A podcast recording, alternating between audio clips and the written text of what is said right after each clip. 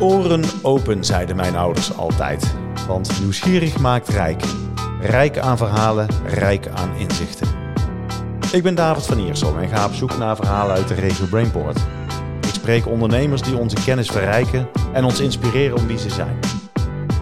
Fijn dat je luistert naar de podcast Wat maakt kennis? Waarin ik de partners van Wat Media ontvang om te praten over hun product of dienst, visie, hun rol in de regio Brainport en over de mens achter het logo. Vandaag ga ik in gesprek met René de Jong. En ik citeer even LinkedIn. Helpt ondernemers met hun scale-up en exit strategie. Bedrijf verkopen, fusies en overname. En tech-investeerder. Nou, dat vraagt om, uh, om een hoop uh, opheldering en verdieping. Welkom René in deze podcast. Goedemiddag David. Ja, Um, maar voordat we over die punt, want het klopt toch een beetje, toch? Wat ik heb voorgelezen. Ja, zeker. Dat klopt. Dat staat op LinkedIn. Ja, ja. Heb goed gezien. Vind je dat ook de duiding, trouwens, voordat we dadelijk kennis met je gaan maken, maar vind je dit ook de duiding van dit is waar ik nou voor sta? 100 procent. Ja. Nou, daar gaan we dadelijk uh, op door uh, praten. Maar wie is René de Jong? Ja, wie is René de Jong? Um, René de Jong is uh, ondertussen 40 jaar oud, woont met zijn vrouw in het mooie Liesel jaartje geleden. Ben je al 40? Ja, anno 1982 heet mijn bedrijf. Dus je had, uh, als je snel ja. had gerekend, had je het kunnen weten. Ja, 40 ja. jaar. En uh, uh, in Liesel dus, nooit gedacht dat ik daar ging wonen. Maar ik kom oorspronkelijk uit Eindhoven, geboren, getogen. Uiteindelijk naar Gelderop en met de vrouw mee naar het mooie Liesel. Dat bevalt heel goed. En um, ja, wat ik doe, uh, je omschreef het al mooi, maar ik, ik vat het eigenlijk altijd samen in twee dingen. Eén, uh, ik help ondernemers met het uh, verkoop klaarmaken van hun bedrijf. En twee, met het uiteindelijke verkopen van hun bedrijf. En um, die passie daarvoor, ja, die is eigenlijk niet in de schoolbanken zo in mijn schoot geworpen, zou ik maar zeggen. Um, ik heb informatica gestudeerd. Dus eigenlijk heel gek dat er dan nu fusies en overnames uh, op je LinkedIn prijkt. Maar ja. um, uh, de achterliggende uh, ja, reden komt eigenlijk voort uit het feit... ik was 25 toen ik voor mezelf begon. Ik was 31 toen ik mijn eerste bedrijf verkocht. Daarna start-ups gehad, investeringen opgehaald, uh, bij scale-ups gewerkt, uh, aandeelhouder geweest. Um, en ik investeer nu uh, ja, sinds eigenlijk de afgelopen jaren ook zelf in bedrijven. Dus um, al die ervaring die heb ik eigenlijk gebundeld in wat ik vandaag de dag doe. En um, ja, de afgelopen vier jaar help ik dus fulltime ondernemers met ja, wat ik al zeg, het verkoop klaarmaken van hun bedrijf en het uiteindelijk verkopen van hun bedrijf. Mooi, dan gaan we dadelijk ook wat dieper op in. Ja. Maar wij kennen elkaar ook wat langer dan vandaag. Zeker. Uh, ik heb jou leren kennen als een, ja, zo zeg ik het ook wel eens tegen andere mensen, een groot denker.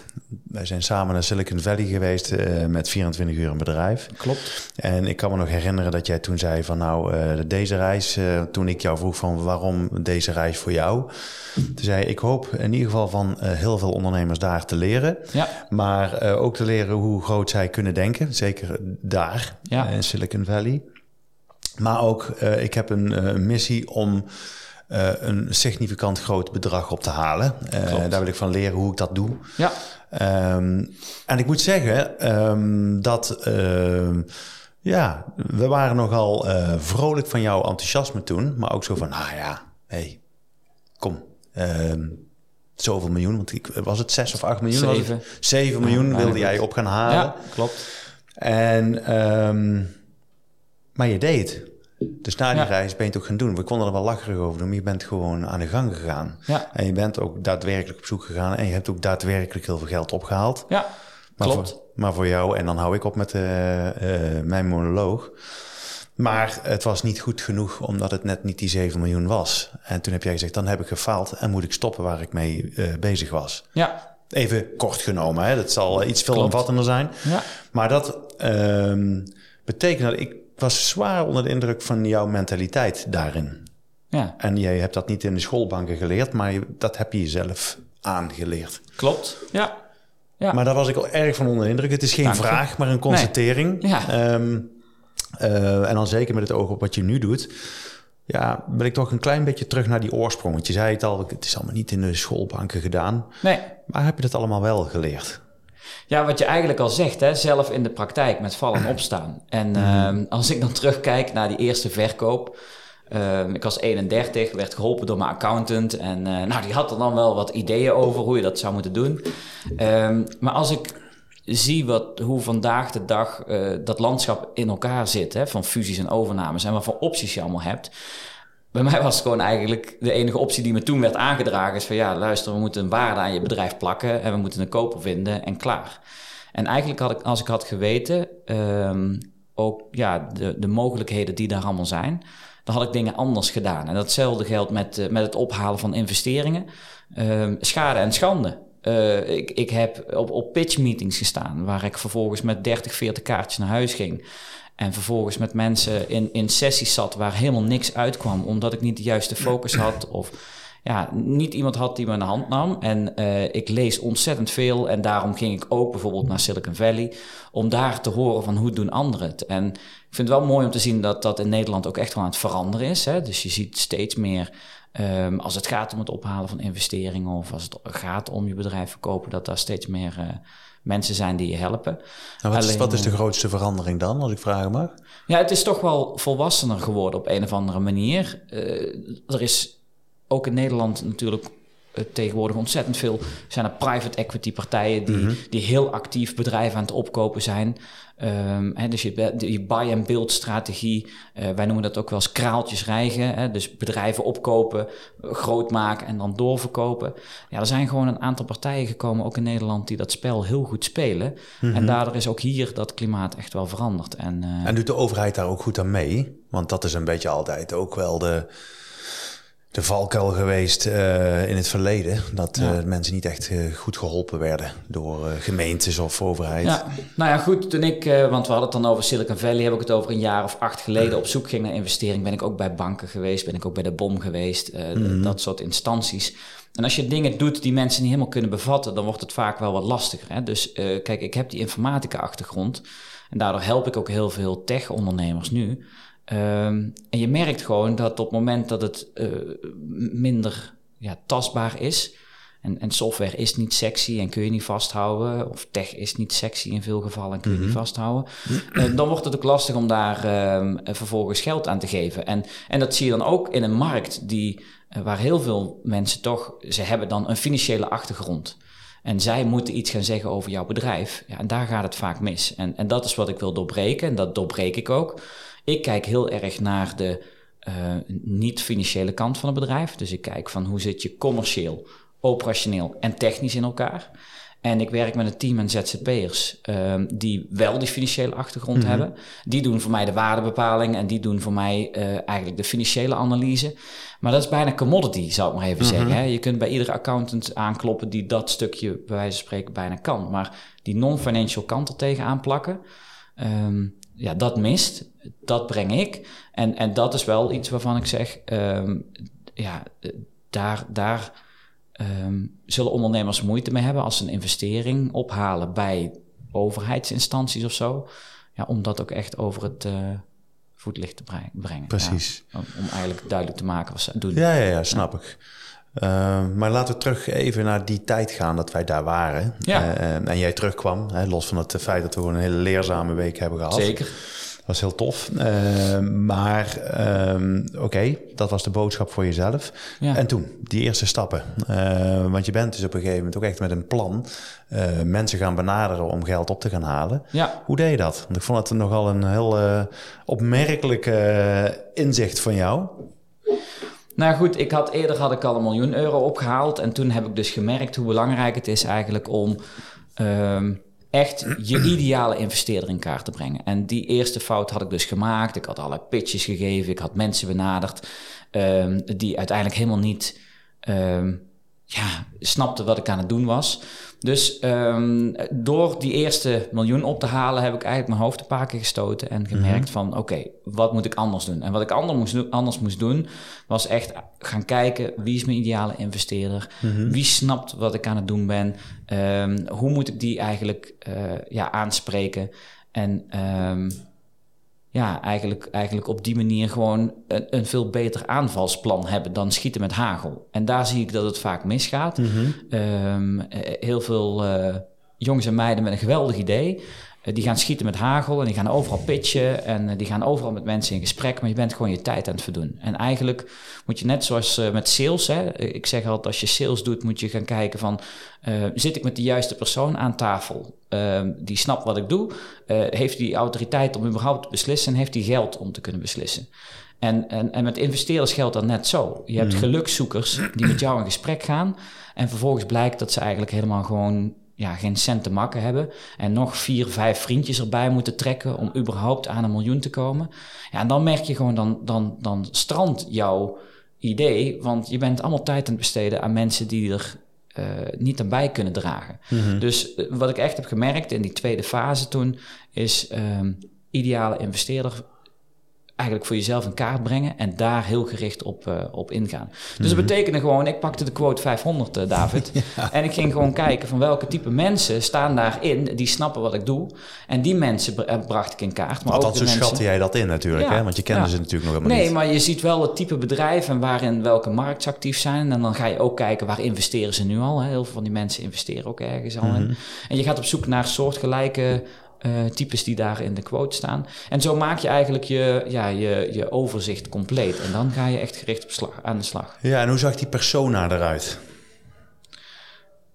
Ja, destijds voor mijn bedrijf bedoel je? Ja, je zegt van ik wil, ik wil eigenlijk een soort van ideale droomklant uh, uh, formuleren, zeg maar, of ja. ja, definiëren. ja. En waar moest hij aan voldoen en hoe zag hij eruit voor jou? Nou ja, goed. Kijk, eh, allereerst um, had, had ik natuurlijk een bepaald bedrag in mijn hoofd. Uh, wat ik wilde ophalen, hè, die 7 miljoen. Maar daar eh, ga je ook van bepalen, ja, maar wat wil ik daarvoor weggeven? Mm En dat geldt zowel voor investeringen als ook uh, het verkopen van je bedrijf. Uh, ga nadenken over wat ben ik bereid om weg te geven. in percentage, maar ook in zeggenschap. En ook in bepaalde garanties die je wil mm geven. En dus je gaat eigenlijk in kaart brengen voor jezelf, en dat heb ik toen ook gedaan, van joh, wat, wat wil ik allemaal eigenlijk wel en wat wil ik allemaal niet? Dus het begint echt eerst naar wat wil je zelf? En vervolgens te gaan kijken van ja, um, wat ik aan het doen ben, um, bij welke type persoon gaat dat resoneren? En waar zou ik een 1 en 1 is 3 situatie kunnen creëren? Want geld ophalen is één, mm je bedrijf verkopen is één, maar... Um, je bedrijf verkopen aan een partij die, die meerwaarde kan bieden, waardoor je kunt, echt kunt groeien. Hè? Dus die 1 en 1 is 3. Ja, daar heb ik toch wel um, ja, echt van gemerkt. Als je dat doet, je zit met de juiste mensen, ja, dan ga je ook het juiste dialoog vormen. En dan kan die persoon uh, of dat bedrijf ook een versnelling zijn. Mm -hmm. Dus um, ik ben op, op zoek gegaan naar die versneller uh, in dat proces. En, en dat is eigenlijk ook wat ik nu tegenwoordig altijd zeg tegen ondernemers. Als je je bedrijf wil verkopen, uh, of als je een investeerder op wil halen, een investering op wil halen, um, ga dan kijken naar, oké, ga ik het aan gewoon iemand aanbieden die dom geld brengt, zeg ik maar eventjes. Of ga ik op zoek naar slim kapitaal en ga ik op zoek naar die 1 en 1 is 3 in een strategische partij of misschien een concurrent waarmee je samen kunt of um, ja, iets in die trend. Ja. En zo ben ik eigenlijk dat gaan boetseren. Ja. Dus eigenlijk was je toen niet eens zozeer met je product nog bezig, je was toen eigenaar van Storeplay hè, in, die, in die periode. Um, maar was je eigenlijk al je bewust aan het worden van, van het geld, zeg maar, en de waarde wat je moest ophalen. En daar was je al met dat spel bezig. Mm -hmm. Dat ging dus, dus niet meer eens zozeer over Storeplay of wat je ook deed. Um, is het daar het enthousiasme er ook over ontstaan voor jou? Nou ja, het enthousiasme voor um, bezig zijn met, met uh, dat spel eigenlijk te begrijpen. Hè? Ja. Dat vond ik heel erg leuk om te doen. Ondanks dat het ook ontzettend veel kruim kost. En ontzettend veel emoties met zich meebrengt. Hè? Want, want dat merk ik ook uh, met de mensen die ik nu help. Weet je, het, het verkopen van je bedrijf is echt iets... Uh, ja, daar zit echt wel emotionele binding aan. En dus natuurlijk was ik ook emotioneel gebonden, maar je moet je ook voorstellen dat geld ook een stukje zuurstof is. En in die fase zat ik natuurlijk nog in de start-up fase. Dus dat was ook een hele andere situatie. En dan is geld gewoon zuurstof. Dus dan ja, ben je ook bezig om dat op te halen. Mm-hmm. en, en dat is dan het enige waar je mee bezig bent. Was dan ook een beetje een soort vorm van overleven? Ja, nou ja, zeker. Uiteindelijk, hè, eh, eh, je, wij hadden een businessmodel waarbij we meer geld aan het uitgeven waren dan er binnenkwam. Hè? Mm-hmm. Lekker uh, zoals die Amerikanen dat ook doen, hè? wat we in Silicon Valley al zagen. En dat vraagt ook op een ander, om een andere aanpak.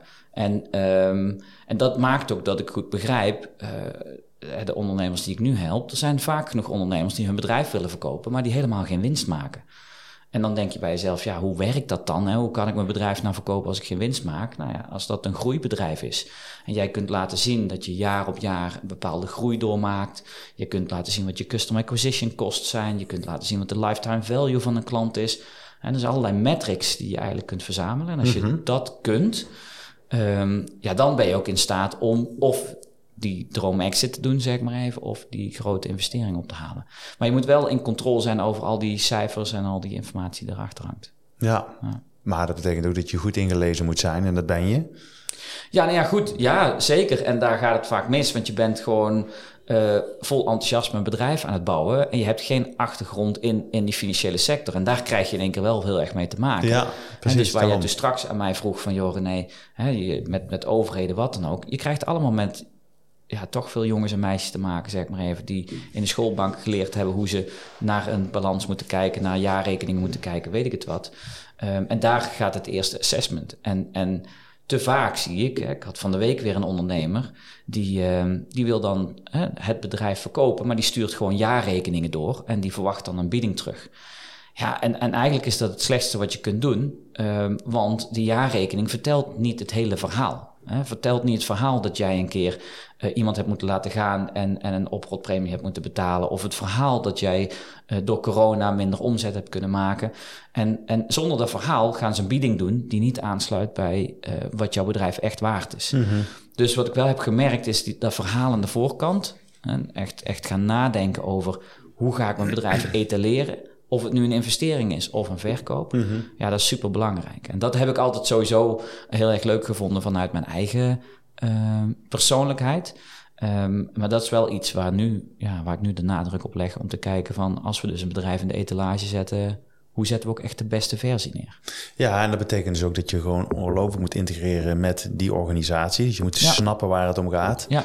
Dat je ook de verhaal achter die cijfers dus ook gaat leren kennen. Ja. Uh, nou ja, je bent sowieso altijd goed met ondernemers geweest. Dus uh, ja, volgens mij is dit dan toch eigenlijk een soort perfect match van wat je nou gevonden hebt. Dit is gewoon je ding. Ja, echt waar.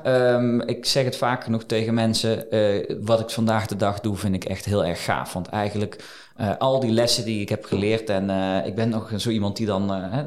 ik hield dan zo'n boekje bij en dan schreef ik al die dingen in. Van de fuck-ups, maar ook de goede dingen. En Um, ja, dat zet ik in. Dus als je kijkt naar mijn aanpak ook. Um, ik doe altijd een nulmeting met een bedrijf. Ik heb 300 vragen verzameld die ik ook om mijn oren kreeg als ik mijn bedrijf ging, ging verkopen of als ik investering op ging halen. En uh, ik ben templates gaan ontwikkelen waarmee ik denk van ja, dan kun je veel sneller kun je eigenlijk die toegevoegde waarde als bedrijf etaleren. Mm -hmm. En um, uh, en dat vind ik super leuk. En nou goed, ik heb ook gemerkt, uh, aan de ene kant vond ik het hartstikke leuk om een bedrijf te bouwen en groot te maken. Maar uh, nu heb ik gewoon met een ondernemer ga ik 9 tot 12 maanden echt heel intensief aan de slag om het bedrijf te verkopen. Want dat is de periode waarvan je uh, de tijd voor nodig hebt om het te kunnen verkopen. Ja, als je het verkoopt, ja. Maar in sommige gevallen heb ik ook ondernemers, daar moet ik eerst twee, drie jaar mee aan de slag om het überhaupt verkoop klaar te maken. Mm -hmm. en, en dat is super leuk, die afwisseling, hè, waarbij je aan de ene zijde bezig bent om zijn bedrijf verkoop klaar te maken.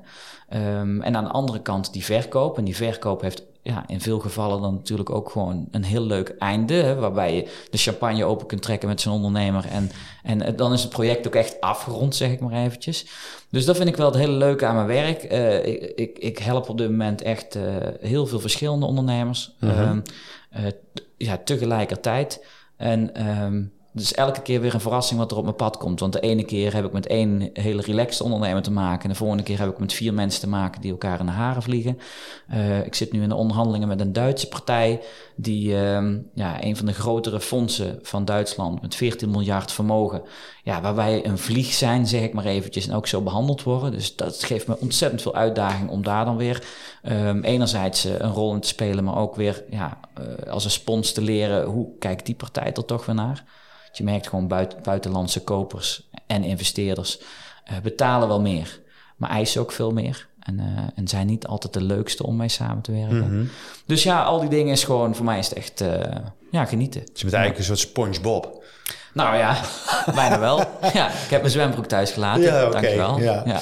Uh, nee, maar uh, laten we eens inzoomen inderdaad in het heden. Dat je hebt ons al een beetje meegenomen. Maar voor de luisteraars van, oké, okay, die dit nou horen, die denken, ja, ehm, ik sta nou zoveel jaren aan mijn bedrijf te werken. Mm -hmm. In of aan of erop of erboven. Ja. Ehm, de vraag is meer van...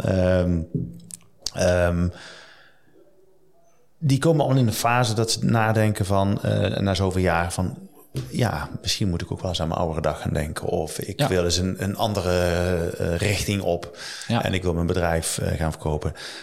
Kun je in het kort ons eens meenemen? Um, wat er dan vanaf de nulmeting, je begon er net al eventjes over de nulmeting, van nulmeting tot die champagne die ontkurkt wordt. Ja alles daartussenin. Kun je dat eens even omschrijven ook? Hoe gaat het in zijn werking? Ja.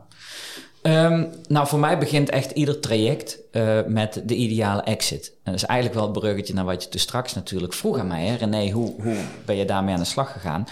Um, als ik niet weet wat je ideale exit is, kan ik je eigenlijk niet goed helpen. Mm -hmm. En um, uh, dat betekent dat we het gaan hebben over één, de waarde. Hè? Wat, wat wil je eraan overhouden? Uh, maar twee, nog veel belangrijker eigenlijk al de voorwaarden. Want je kunt wel een bieding krijgen, maar uh, als die bieding hele slechte voorwaarden heeft, uh, met bijvoorbeeld een earn-out, dus dan moet je aanblijven en werken in je bedrijf nog twee, drie jaar. Een vendorloon waarbij jij een lening moet verschaffen, uh, of wat van andere constructies dan ook. Uh, dan gaat het misschien niet jouw ideale exit zijn. Dus stap mm 1 is voor mij bepalen wat is jouw ideale exit. Mm -hmm. Stap 2 is dat ik inderdaad een nulmeting doe en dus aan de hand van 300 vragen jouw bedrijf ga bekijken. Uh, en ik doe ook uh, een financiële analyse en een waardebepaling uitvoeren. en die match ik ook met jouw ideale exit. Dus op het mhm. moment dat jij in je hoofd hebt, ik wil 6 miljoen voor mijn bedrijf en ik doe die analyse en ik zeg, ja luister, als ik nu de markt in ga, David, en die hut van jou is 3 miljoen waard, uh, ja, dan kunnen we twee dingen doen. Dan kunnen we zeggen, weer succes, ga het zelf maar doen. Of wat moeten we doen met elkaar om van die 3 6 miljoen te maken? He, dus stap 1 en 2 zijn echt gericht op jouw ideale exit en zijn gericht op uh, dan te bepalen van hoe realistisch is die. Nou, als die realistisch is, uh, dan uh, heb je niet stap 3 nodig. Dan ga je naar stap 4. Maar als die minder realistisch is, dan zeg ik altijd, gaan we eerst je bedrijf optimaliseren. Dat is stap 3. Dus dan gaan we kijken van waar moeten we verbeteren. Zit dat op operationeel vlak, commercieel vlak? Um, zit dat misschien toch meer aan de financiële kant? Moet je jezelf meer losweken uit de organisatie? Het kan van alles zijn. Uh, dus dan gaan we je bedrijf verbeteren. Dat duurt al snel een jaar of twee. En um, als je die derde stap hebt gedaan, uh, dan gaan we stap vier je bedrijf echt in de etalage zetten. Uh, vanaf dat moment moet je eigenlijk 9 tot 12 maanden uittrekken. Dus het moment dat we gaan zeggen, we gaan je bedrijf echt verkopen. Dus die etalage? Die etalage, dan maken uh, we noemen dat dan informatiememorandum, een soort van verkoopbrochure, waarin we eigenlijk alle dingen uitleggen over wat doet je bedrijf nou eigenlijk, hoe zit het in elkaar. We maken een financieel memorandum. Uh, we maken ook een longlist van wat zouden eventuele kopers zijn die jij interessant vindt om te benaderen. Uh, ik heb zelf een kopersnetwerk van ongeveer 400 partijen die ik kan benaderen, maar zo maken we eigenlijk eerst de basis klaar. Dan ga ik op zoek naar die uh, koper. Uh, dan ga ik biedingen ophalen. En ik zeg biedingen. Uh, mijn motto is: één koper is geen koper. Um, en waarom zeg ik dat? Um, te vaak zie ik dat ondernemers in onderhandeling gaan met één partij. En er zijn duizend en één redenen waarom het uiteindelijk stuk loopt. En dat heb ik destijds ook zelf ervaren. Het is super fijn als je dan een partij achter de hand hebt. Eh, daarnaast is het zo dat die biedingen uh, natuurlijk een, een, opdrijvende kracht hebben. Hè? Dus ik kan ook veel makkelijker Ze weten van elkaars bestaan. Dan. Ja, nou ja, zo speel ik het natuurlijk wel uit. Hè? Ja. Ik bedoel, um, ik uh, ben net zoals in de Queen Gam Gambit uh, hè, van Netflix... Mm -hmm. ben ik echt bezig om te schaken op meerdere borden... en te kijken van hoe krijg ik die beste prijs. Um, dan hebben we die bieding um, en die vertaal ik naar uh, een, een, intentieovereenkomst, wordt ook wel eens letter of intent genoemd in onze branche. Um, en die wordt vaak overgeslagen, dat is, dat is echt een no-go wat mij betreft. waarom wordt die overgeslagen? Omdat het voor de koper best wel makkelijk is om, ja, hè, we gaan gewoon door naar het onderzoek. Uh, maar eigenlijk wil je daarin vastleggen, in die intentieovereenkomst, wat, wat zijn de belangrijkste voorwaarden? Hoe ziet die uitbetaling van, van die prijzen eruit? Wat zijn de belangrijkste garanties die je moet geven, verplichtingen die je aan moet gaan. Noem het maar op, de eigenlijk contouren van de deal al duidelijk hebt. En, uh, want als je daar je handtekening onder zet, dat is eigenlijk dus de voorlopige koopovereenkomst. Ja, dan moet je daarna met je billen bloot. En dat is stap 6, hè, dan ga je een due diligence onderzoek in. Mm -hmm. En dan gaat de koper dus boekenonderzoek doen. En, en dan moet je je kroonjuwelen ook gewoon echt gaan blootgeven. Mhm. Ik zeg dan ook altijd, probeer die zoveel mogelijk... Uh, zorg dat, dat die partij ehm, externe adviseurs inhuurt. Zeker als het een concurrent is. Um, of een partij die echt voordeel kan halen uit die informatie. Zorg dan niet dat je die zomaar blootgeeft. En uh, nou, zo'n due diligence duurt zelfs snel zes tot acht weken, waarbij ze dus heel je bedrijf doorakkeren. En um, uh, ja, een goed beeld willen vormen van zijn er nog lijken in de kast, zo gezegd. En dan, uh, dan komen de contracten. Nou, dan wordt vaak de volgende uh, pijnlijke ja, constatering van ondernemers dat het verkopen van je bedrijf best wel veel voet in de aarde heeft. Want zo'n contract is al snel 40 pagina's aan juridische tekst. Uh, met dan daar nog eens bij een aantal bijlages. Um, dus dan moet je daar doorheen. En uh, als je dat hebt gedaan, dan ga je naar de champagne. En nu klinkt dat misschien van, nou, jongen, jongen, jongen, dat is heel wat. Heb je er überhaupt nog zin in? nou, dat is nou juist wat ik super gaaf vind. Om die ondernemer daarin mee te nemen en die emotionele achtbaan die dat met zich meebrengt. En gewoon elke keer weer even die rust terugbrengen. Want, maar wat die, wat die kopers doet, dat doe jij natuurlijk uh, voorafgaand natuurlijk ook. Want jij doet dat onderzoek zelf. Ja, alleen natuurlijk, ik doe het in, ik zeg even drie dagen en zij doen het in zes weken. Mhm. Dus voor mij is het wel natuurlijk die thermometer erin. En echt kijken van oké, waar zie ik echt uh, ja, pijnpunten die wel significant genoeg zijn om die deal uh, stuk te kunnen laten lopen. En want daar draait het uiteindelijk om. Zo'n koper die gaat uiteindelijk in die, in die fase van dat due diligence onderzoek ook een beetje kijken van... kan ik misschien toch nog hier en daar wat uh, met die prijzen in die onderhandelingen? Heb jij dan geen koper achter de hand, geen tweede partij achter de hand... sta je wel met je rug tegen de muur. Want je bent ondertussen al zes maanden bezig... en, uh, en, en wil er ook op een gegeven moment vanaf. Ja. Dus dat is ook het spel en dat spel, uh, ja, dat, dat is waar we het eerder over hadden. Ja, dat vind ik leuk. Dat, vind ik, dat geeft mij wel energie om dan voor die ondernemer op te komen. Maar hoe, hoe, zet je nou eigenlijk een, eh, een, een, een, organisatie in de etalage, zeg maar? Ja, hoe dat doe, dat? ik um, anoniem. Dus we maken eerst een, uh, we noemen dat een teaser. En uh, in die teaser uh, doen we eigenlijk in hoofdlijnen zo'n bedrijf ja, verkopen. Uh, het teaser is gewoon twee pagina's eigenlijk, gewoon helemaal anoniem. Zonder de naam te noemen zeg maar, van de organisatie. Precies. Ja, nou, die deel ik dus met die 400 partijen uh, die in mijn netwerk zitten. We benaderen ook de longlist die ik dus met de klant samenstel. En uh, er is ook nog zoiets, dat heet de Deal Suite. Dat is een online soort van funda voor bedrijven, zeg maar eventjes. Mm -hmm. Daar kun je je bedrijf ook op zetten. Nou vind ik wel, daar zitten veel gelukzoekers op. En ehm, ja, dan, moet je, dan zet je hem echt, echt in de etalage, zeg ik maar even. Een beetje plat. is best wel ja, plat en nou ja, daardoor ook wat risicovoller. Hè? Want hoe zit het met je klanten en hoe zit het met je medewerkers? En ja, iedereen kan het makkelijker zien natuurlijk. Dus um, stap 1 is helemaal anoniem eigenlijk onder de aandacht brengen. Op het moment dat iemand interesse heeft getoond eerst een geheimhoudingsovereenkomst tekenen. Dus uh, je krijgt niks aan naam te horen of wat dan ook. Ja, dat werkt ook lekker makkelijk. Hè? Kijk, ik ga uit naam van mijn klant de markt op. Dus uh, die zien dan helemaal niet wie daarachter zit natuurlijk. En na het tekenen van de geheimhoudingsovereenkomst... dan krijgen ze dus dat informatiememorandum. Uh, daar zit de basisinformatie in. Nou, hebben ze dan interesse, dan komen ze op gesprek. En als ze op gesprek zijn geweest en ook ja, wij als verkopende partij zeggen van dit is een partij waar we wel meer informatie aan willen geven, dan sturen we ook nog wat meer, meer uh, financiële informatie naar, zodat ze ook echt een, een bieding kunnen doen.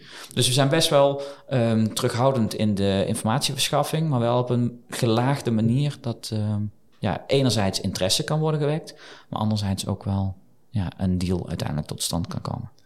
Nou, mooi hoe je dat eh, weergeeft. Ja. Je had het net over de ideale exit. Maar wat is voor jou een ideale exit? Niet voor jouw eigen bedrijf, maar als je zeg maar uh, een van je klanten zeg maar naar een hele mooie exit kan uh, brengen. Wat geeft jou het gevoel van, nou, voor mij is hij zo altijd heel mooi? Of ideaal? Ja, ja um, boter bij de vis is het mooiste wat er is. En ja, en dat betekent... ja, poëtisch, hè? Maar, da, maar dat is wel, ja, ja, maar dat is wel waar ik echt in geloof. En dat betekent, je hebt heel veel deals, David. Daar zit zoveel in aan uh, mitjes en maartjes. En, en hoe meer ik die eruit heb gesloopt, hoe tevredener ik ben. Uh, want dat wil een ondernemer vaak ook. Hè? Die wil gewoon die boter bij de vis. Weet je, je gaat je het verkopen. Je wil daar gewoon een faire prijs voor op je rekening hebben. Niet allerlei uh, addertjes onder het gras en, en niet allerlei onzekerheden nog naar de toekomst. Mm. Dus een deal die, die, die echt gewoon bestaat uit een goed stuk upfront, een earn-out 9 van de 10 deals tegenwoordig heeft een earn-out. Wat betekent dat je dus nog een jaar of twee moet aanblijven met bepaalde voorwaarden. Nou, de wijze waarop we die structureren en ook de betaling daarvan structureren, dat vind ik gewoon uh, leuk.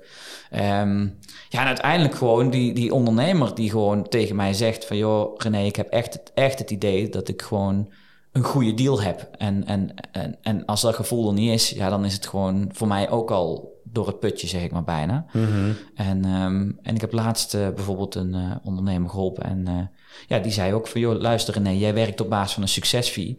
Maar um, ik vind het gewoon gaaf dat we niet voor het hoogste bod zijn gegaan. En, want het hoogste bod waren niet de beste voorwaarden. En dan kan ik wel zeggen van, ja, dan heb ik lekker mijn succesfee verdiend. Maar ik vind dan juist gaaf om te zeggen van nee, weet je, dat is gewoon, die deal is gewoon voor jou niet de beste deal, punt.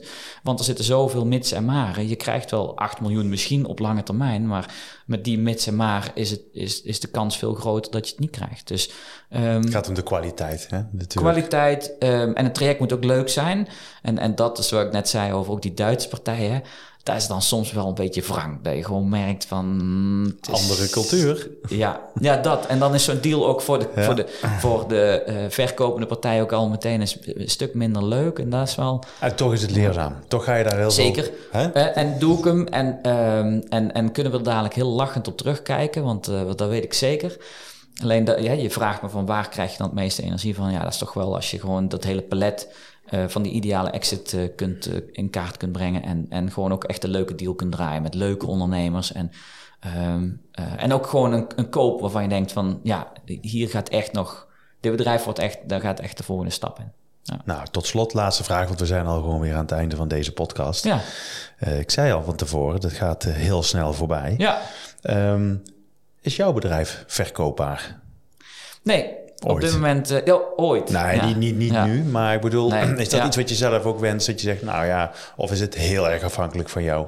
Op dit moment wel. Ja, op dit moment is het zeker afhankelijk van niet mij. Niet alleen in de naam, hè? Bedoel, het appelleert nee. aan jouw uh, geboortedatum. Klopt. 40. Ja, klopt. Maar nee, kijk, um, wat ik doe hangt nu aan mij. Uh, ja, ik werk met nog uh, vier andere ZZP'ers uh, die, die daar best wel dingen over zouden kunnen nemen en zo. Maar die zitten weer meer aan die financiële kant, wat ik al zei. Um, ik heb op dit moment eigenlijk ook niet echt de ambitie om een bedrijf te bouwen wat verkoop klaar is. Hè. Um, je vroeg mij van, of je, je las net mijn LinkedIn voor en daar staat op tech-investeerder. Um, ik vind het veel leuker om mijn geld nu, wat ik dan verdien aan alle dingen die ik doe en die ik heb gedaan, weer te investeren in andere bedrijven en daarmee mijn second source te creëren, zoals ik dat noem. Uh, ja, ik noem het zo, maar ik heb het eigenlijk afgekeken. Je oudere van, dag. Uh, ja, nou ja, nou, Warren Buffet heeft gezegd: joh, je moet eigenlijk een second source creëren. En daar vind ik wel iets in zitten. Dat je gewoon zegt: van joh, stel nou, ik zit een jaar op de Bahama's en dan komt er toch geld binnen. Ik zeg maar even, het vroegere rentenieren, maar ja, dat kunnen jij en ik niet meer. Dus um, ik vind het veel leuker om te investeren in bedrijven waar ik waarde kan toevoegen. Uh, maar ook gewoon rendement kan maken, zeg ik maar even. En dat ik gewoon op een gegeven moment kan zeggen van ja, weet je, ik doe op een gegeven moment het licht uit bij anno 1982, wanneer dat ook mag zijn. Maar dan heb ik nog steeds mijn second source, um, ja. waar ik in al die jaren in geïnvesteerd heb. En nou, voorlopig is dat licht nog uh, brand uh, nog volop. volop. Ja, ja, joh, ik ben pas 40. Hè? Je bent dus, pas 40, uh, je hebt een heel leven voor je, man. Zo is dus, het. Komt helemaal goed. René, dankjewel voor deze podcast. En tot zover deze aflevering van Wat maakt kennis. Dank voor het luisteren. Blijf ons volgen op LinkedIn en Instagram en deel vooral je luisterervaring, zodat ook jij anderen inspireert.